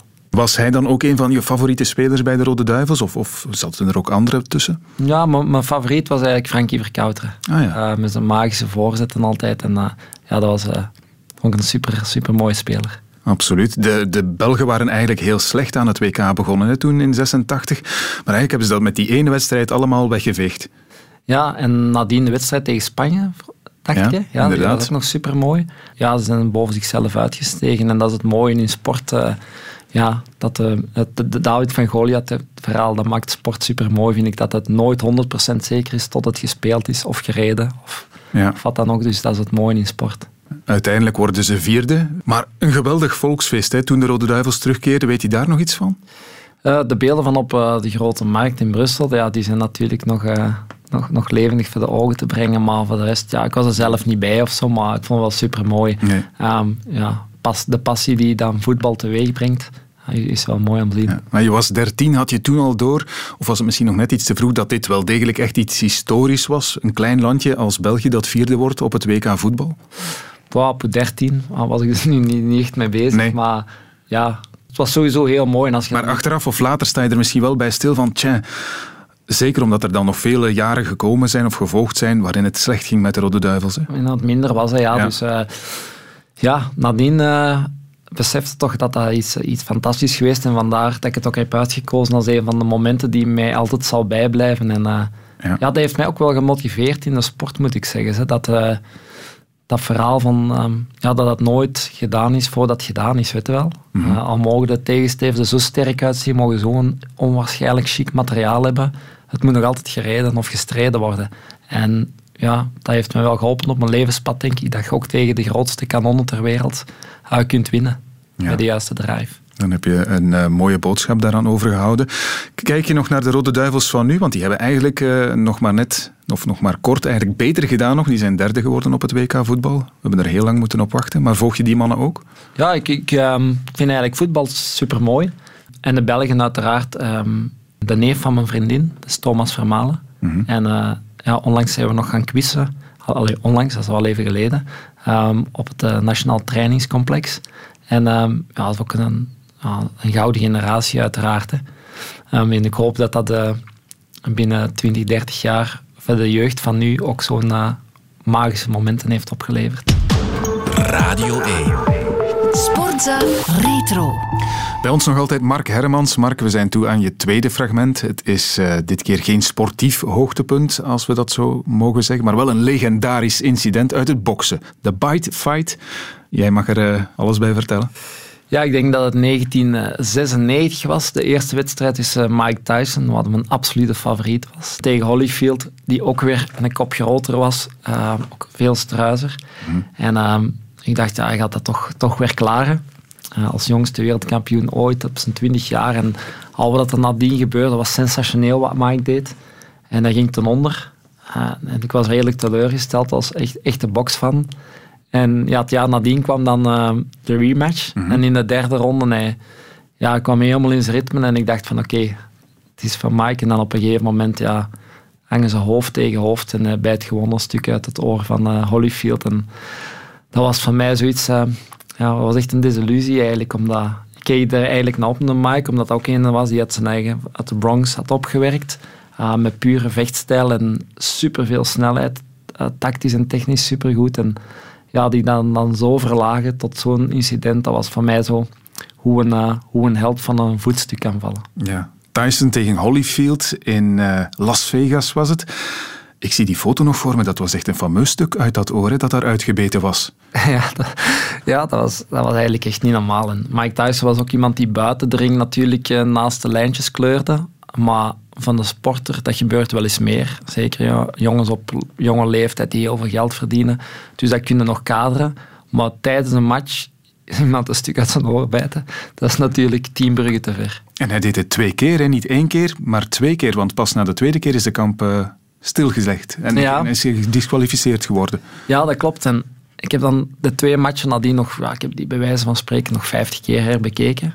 En wat dat wel naar voren komt, is dat Holyfield twee keer eigenlijk een beetje met zijn hoofd een soort kopstoot geeft. Wat dan nog dat um, Mike zijn rechter wenkbrauw eigenlijk open gaat. En ik denk dat Mike op die tweede moment ja, zo gefrustreerd was dat hij ja, dingen deed die helemaal niet kunnen.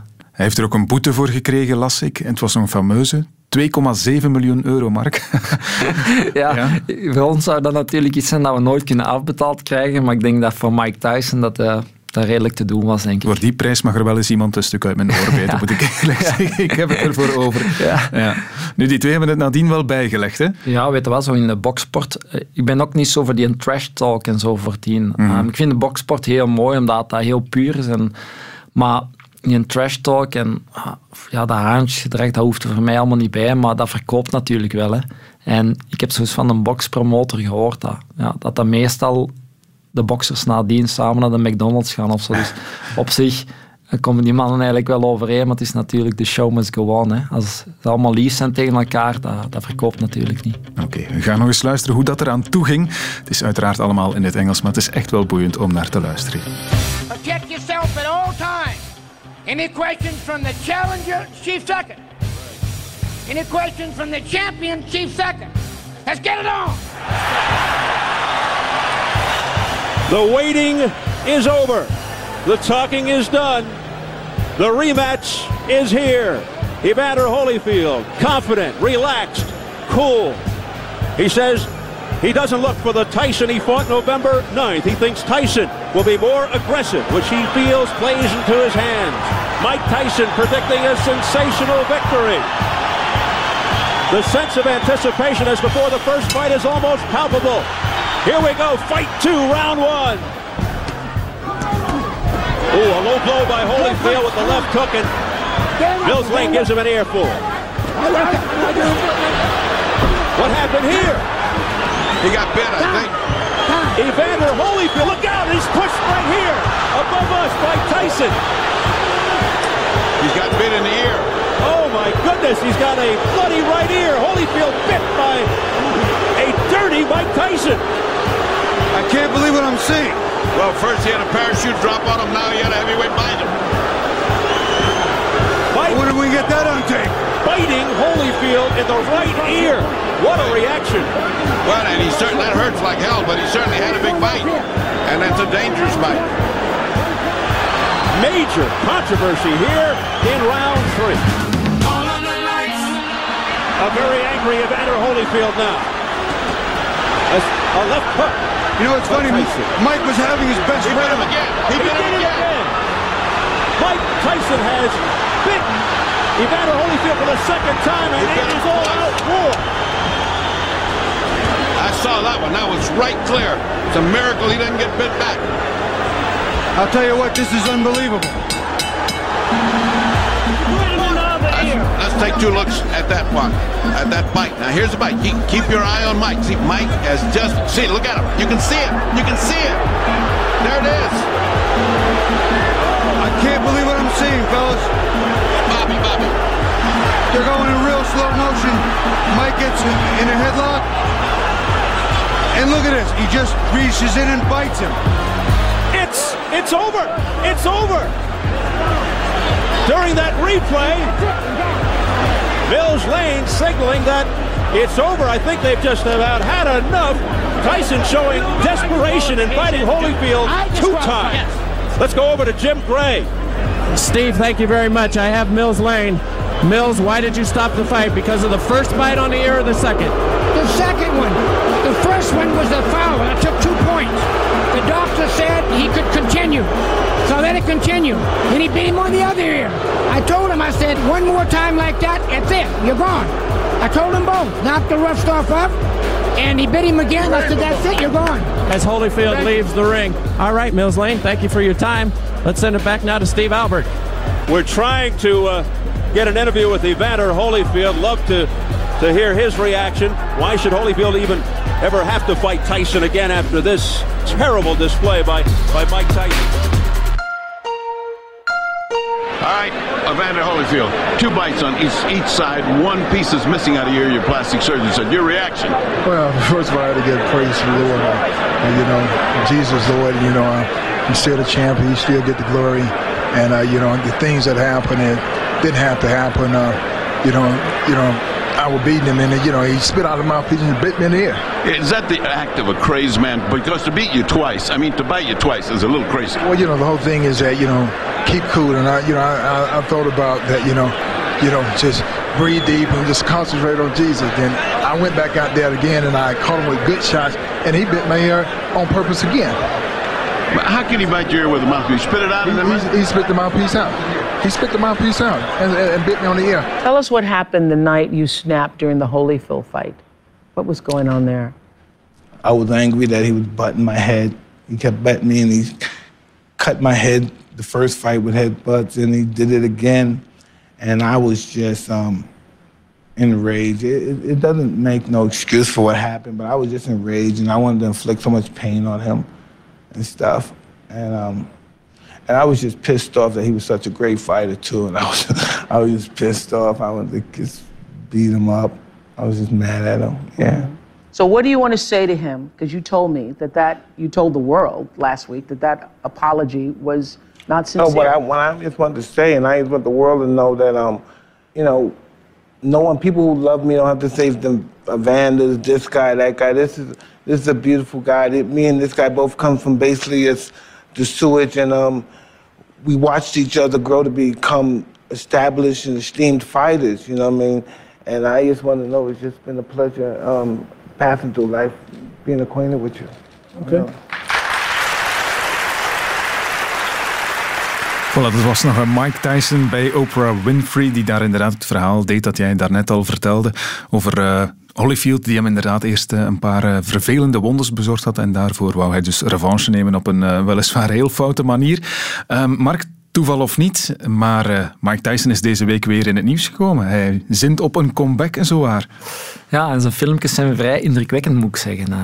ja, want hij is 53 nu. 53 en die snelheid die die teweeg brengt en nog altijd die massa, spiermassa in beweging brengt. Ja, we zitten nu ook met een redelijk goede generatie, denk ik. Ik denk niet te vergelijken met toen, maar we hebben nu Wilder, we hebben Anthony Joshua, we hebben Fury. Um, maar ja, ik denk dat die generatie, je kunt moeilijk generaties vergelijken, maar ik denk dat de generatie van toen straffer was dan die van nu. Mm -hmm. Maar 53 is natuurlijk ook een leeftijd dat moeilijk is om terug in de ring te stappen, denk ik. Maar toch, als ik zijn filmpjes zie, die zijn toch vrij indrukwekkend. Het is vooral voor het goede doel, blijkbaar. Hè? Dus we moeten niet verwachten dat hij plots weer voor de wereldtitel gaat vechten. Dat denk ik niet. Nee, dat denk ik ook niet. Maar weet wat, met zo'n mannen weet echt nooit. dat is het probleem. Hè? En um, Dana White, dat is de grote baas van UFC... Die heeft er eigenlijk ook een beetje schrik voor dat hij op het punt komt van kijk, ik ben nog zo goed, ik ga, dat, ik ga toch terug in de ring stappen. En dan is het zaak aan de mensen rondom hem om hem te, om hem te beschermen, denk ik. Want ja, die mannen, ja, je, weet, je weet nooit. Hè. Nee. Er zou zelfs sprake zijn van een nieuwe kamp tegen Holyfield, heb ik ook al gelezen. Dat zou straf zijn natuurlijk. Ja, als het uh, qua qua verkoopcijfers zou dat natuurlijk, als je toch geld wilt in het laadje krijgen voor het goede doel, ja, dan zou die rematch natuurlijk uh, redelijk wat geld in het laadje brengen. Misschien hebben ze ondertussen al allebei een vals gebit, dat weet ik niet, maar dat moeten ze dan wel maar beter ja. uitdoen. Oké, maar je volgt het dus wel, je kijkt ook naar al die bokskampen. Ja, ik kijk heel veel boksen en uh, ik moet zeggen, uh, vroeger, ik voetbalde al, maar ik ben dan extreem bokstraining beginnen doen, op mezelf allemaal. En ja, als heel veel mensen vragen hoe komt dat jij ooit in de sport zo ver geraakt bent, dan denk ik dat die trainingen me toch altijd uh, enorm hebben geholpen. Um, mm -hmm. Ja, bokstrainingen. En, en ik laat mijn atleten die ik nu train, die moeten ook dik, heel dikwijls stoutjes springen en zo. En uh, ik denk compleet atleet worden, dat dat voor iedereen goed is. Radio 1 Sportza Retro. Mark, je laatste fragment uit de sportgeschiedenis is op een bepaalde manier ook wel een beetje actueel, want vorig weekend was het negen jaar geleden dat Wouter Weiland verongelukte in de Ronde van Italië. Dat was op 9 mei 2011 tijdens de derde rit van de Giro. Waarom heb je dat moment gekozen? Ja, om, omdat ik als familieman um, aan zo'n dingen dat dat me enorm aangrijpt. En uh, ik, ik, neem dat bijna elke dag mee op mijn levenspad, zulke dingen. Omdat, ja, hij had ongeveer dezelfde leeftijd als ik toen ik dat ongeval had. Het was ook in een afdaling. Uh, die beelden dat hij daar lag, ja, ik zal dat echt nooit vergeten. En dan de wetenschap dat zijn vriendin zwanger was van hun eerste kindje. Um, dat doet mij inzien eigenlijk nog steeds elke dag dat mijn situatie maar gewoon een ongeval was, maar wel een tweede kans. En dat een tweede kans een absoluut voorrecht is. Mm -hmm. En die kans heeft Wouter niet gehad. En uh, ja, als mensen mij vragen hoe komt dat je altijd zo positief bent, ja, dan is dat, en dat is heel raar om te zeggen, uh, te danken aan zulke voorvallen, omdat die jongens geen tweede kans hebben gekregen en dat ik dat voorrecht wel heb gehad. Dus um, ja, voor mij had het hetzelfde kunnen aflopen. En um, ja, ik kan er heel emotioneel aan zijn als er atleten uh, of mensen, jonge mensen het leven laten, omdat ja, dat ik had er ook heel dichtbij geweest. Dus op zich, um, ja. En dan als familieman, als je de wetenschap dat de vriendin zwanger was van hun eerste kindje, dat is... Ja, dat is ja, hij heeft, hij heeft zijn dochter nooit gezien. Hè? Je hebt drie kinderen, je hebt wel het geluk om die inderdaad nog te zien. Dat heeft Wouter Weiland nooit mogen meemaken. Zijn dochter is, is geboren toen hij er niet meer was. Nee, dat is zo. En ja, het zou mooi zijn dat de mensen in de wereld uh, meer kijken naar zulke dingen om te beseffen hoe goed dat ze het hebben. En, want we, ja, sommige mensen... Ja, ja, die klagen nu steen en been omdat we negen weken uh, wat minder sociaal contact kunnen hebben. Maar wat stelt het eigenlijk voor, weet je wel, op een mensenleven? En um, ik ben verlamd van borst tot tenen, maar ik kan dat zelf zo relativeren, omdat ik verhaal net zoals die van Wouter of Fabian Casartelli of andere jongeren. Um, en het is dat dat een van de momenten is die mij altijd zal bijblijven, omdat het zo gelijklopend was. En toch zo verschillend dan afloop, weet je wel?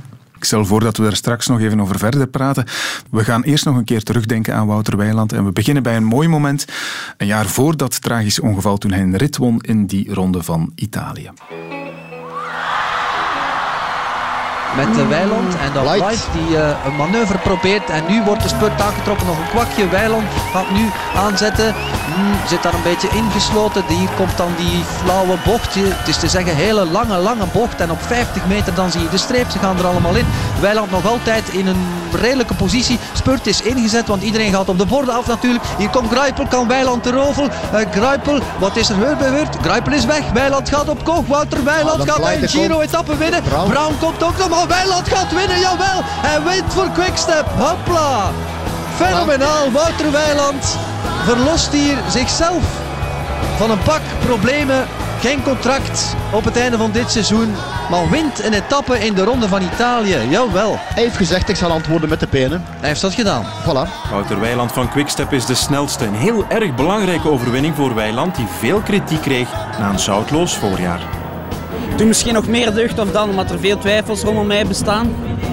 Ik hoop nu bestonden. uh, ja, toen wel enorm veel deugd.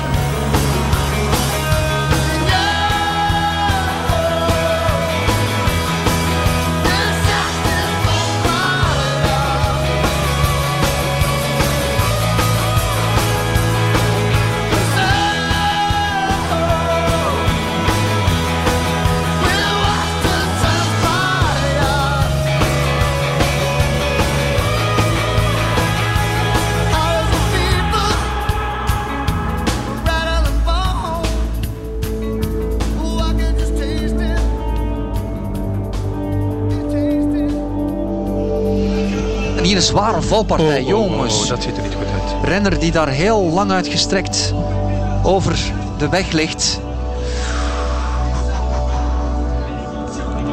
Dat ziet er niet goed uit. Nu wordt gemeld dat het om Wouter Weiland gaat, dames en heren. Vreselijk nieuws.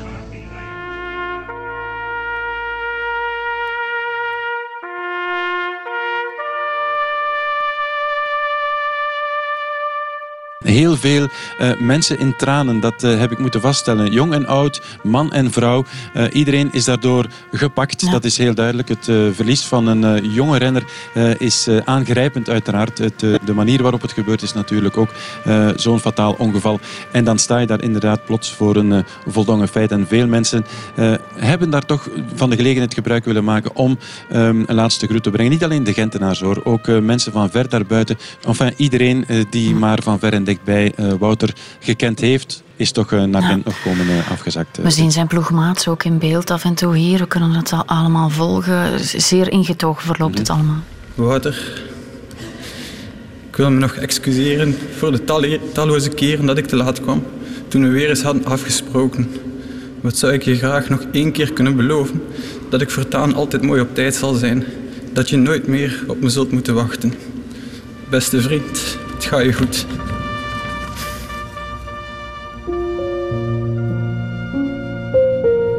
Om te even waar dat ik passeer. We hebben overal wel iets meegemaakt. Leuke dingen, minder leuke dingen, valpartijen enzovoort. Ik groet hem nog altijd op exact dezelfde manier. En dat is dagelijks als ik op de fiets zit. En daar heb ik niet veel voor nodig. Een keer een stripje zon of uh, een schaduw op de baan. Heel stomme dingen, maar ja, ik blijf dat zo doen. We hoorden Ilio Keijsen op het einde. Mark, hij was een goede vriend van uh, Wouter Weiland. Gaat door merg en been als je dit hoort. Wat doet dat met jou? Ja, ik heb uh, kiekenvlees, moet ik zeggen. Ja, ik, uh, ik kan, kan ook beginnen wenen met zo'n dingen. Dus omdat, mm. ja, ik ben ook al heel veel vrienden verloren en zo. En ik weet dat het leven zo, zo mooi is. Maar het kan ook zo, zo verschrikkelijk hard zijn. En het kan in één seconde extreem veranderen. Het kan ook op één seconde gedaan zijn. En ja, ik ben blij voor elke dag. En hij is maar 26 jaar mogen worden. En ja, mm. het leven had nog zoveel te bieden. En um, ja, dat is, ja, dat is ermee dat ik het gekozen heb. Um, emoties horen bij de sport. En soms zijn het hele mooie emoties. Soms hebben de teleurstellingen, bijvoorbeeld zoals dat voorval met de, die een oor bijt, dat de een van uw helden van uw voetstuk valt. Mm. En dan heb je de pure, ja, de pure tristesse, uh, tristesse en dat is uh, puur verdriet. Dat heb ik toen wel gehad, ondanks dat ik uh, Wouter niet kende. Ja. Als je dit hoort, of een ander soort gelijk verhaal, denk je dan automatisch ook altijd meteen terug aan jouw ongeluk? Uh, niet echt onmiddellijk aan mijn ongeluk, maar wel dat, uh, dat ik de levensvisie die ik heb opgepakt na mijn ongeval, dat dat enigste juiste was. Dat ik, uh, dat ik in, in een bepaald opzicht absoluut geen pech had gehad, maar heel veel geluk. Mm. En ja, je kunt altijd als het leven als voorval in het leven als twee dingen bekijken. En of ik had het hele tijd kunnen bekijken als extreem veel pech in, een, in de hoek gaan zitten waar dat de klappen vallen. Of zeggen van kijk, ik heb geluk gehad, want ik heb die tweede kans. En uh, in de hoek gaan zitten om uh, fluitend het leven verder in te gaan. En ja, zulke voorvallen doen mij inzien dat ik echt wel geluk heb gehad. Ja, je hebt er ook een, een, boek over geschreven. Je geeft ook lezingen. Um, daarin vergelijk je het, het leven met een kaartspel eigenlijk. Hè? Ja, een, een beetje een kaartspel, omdat uh, ja, als je een kaartspel speelt, uh, je hebt hele goede kaarten, dan lijkt, gaat alles goed. Soms is het een slechte kaart en dan, ja, wat, wat doe je dan? Hè? Um, gaat in uh, doem denken of gooi je kaartspel weg of speelde verder en haal er toch nog alles uit wat erin zit. En ja, ik heb dan een slechte kaart getrokken, maar ik zat nog in het spel en ik haal er alles uit wat erin zit. En um, bij hem was het kaartspel ineens verdwenen, dus... Maar is dat een, een, heb je dat zelf ook moeten leren om daar zo over te kunnen denken? Want dat is wel heel positief. Je kunt het heel sterk relativeren. Dat is niet iedereen gegeven, denk ik. Nee, ik, zie het altijd een beetje zo. Hoe meer dat je meemaakt in het leven, um, ofwel maakt dat u, ofwel kraakt dat u. En er zijn heel veel mensen die, die kraken onder uh, negatieve dingen of uh, gebeurtenissen die gebeurd zijn in het leven. Maar ja, bij mij heeft dat op een of andere manier, en ik weet niet waarom, heeft me dat altijd gesterkt en heeft me doen inzien dat elke dag eigenlijk een geschenk is.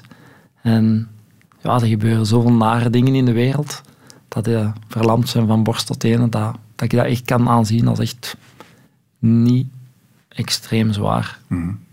Vind je het ook belangrijk om die boodschap te blijven verkondigen? Want je hebt je verhaal al vaak verteld en er zijn ook die lezingen waarvan je er heel veel al gegeven hebt ondertussen.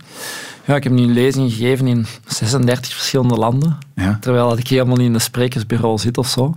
Omdat het eigenlijk helemaal buiten mijn comfortzone is. Maar er komen altijd zo mooie reacties. En uh, er is ooit een mail gekomen van een meisje die zei van ja, ik was gestopt met paardrijden omdat ze me dat in de klas, ze vonden dat maar niks. Maar eigenlijk is dat wel wat ik wil doen.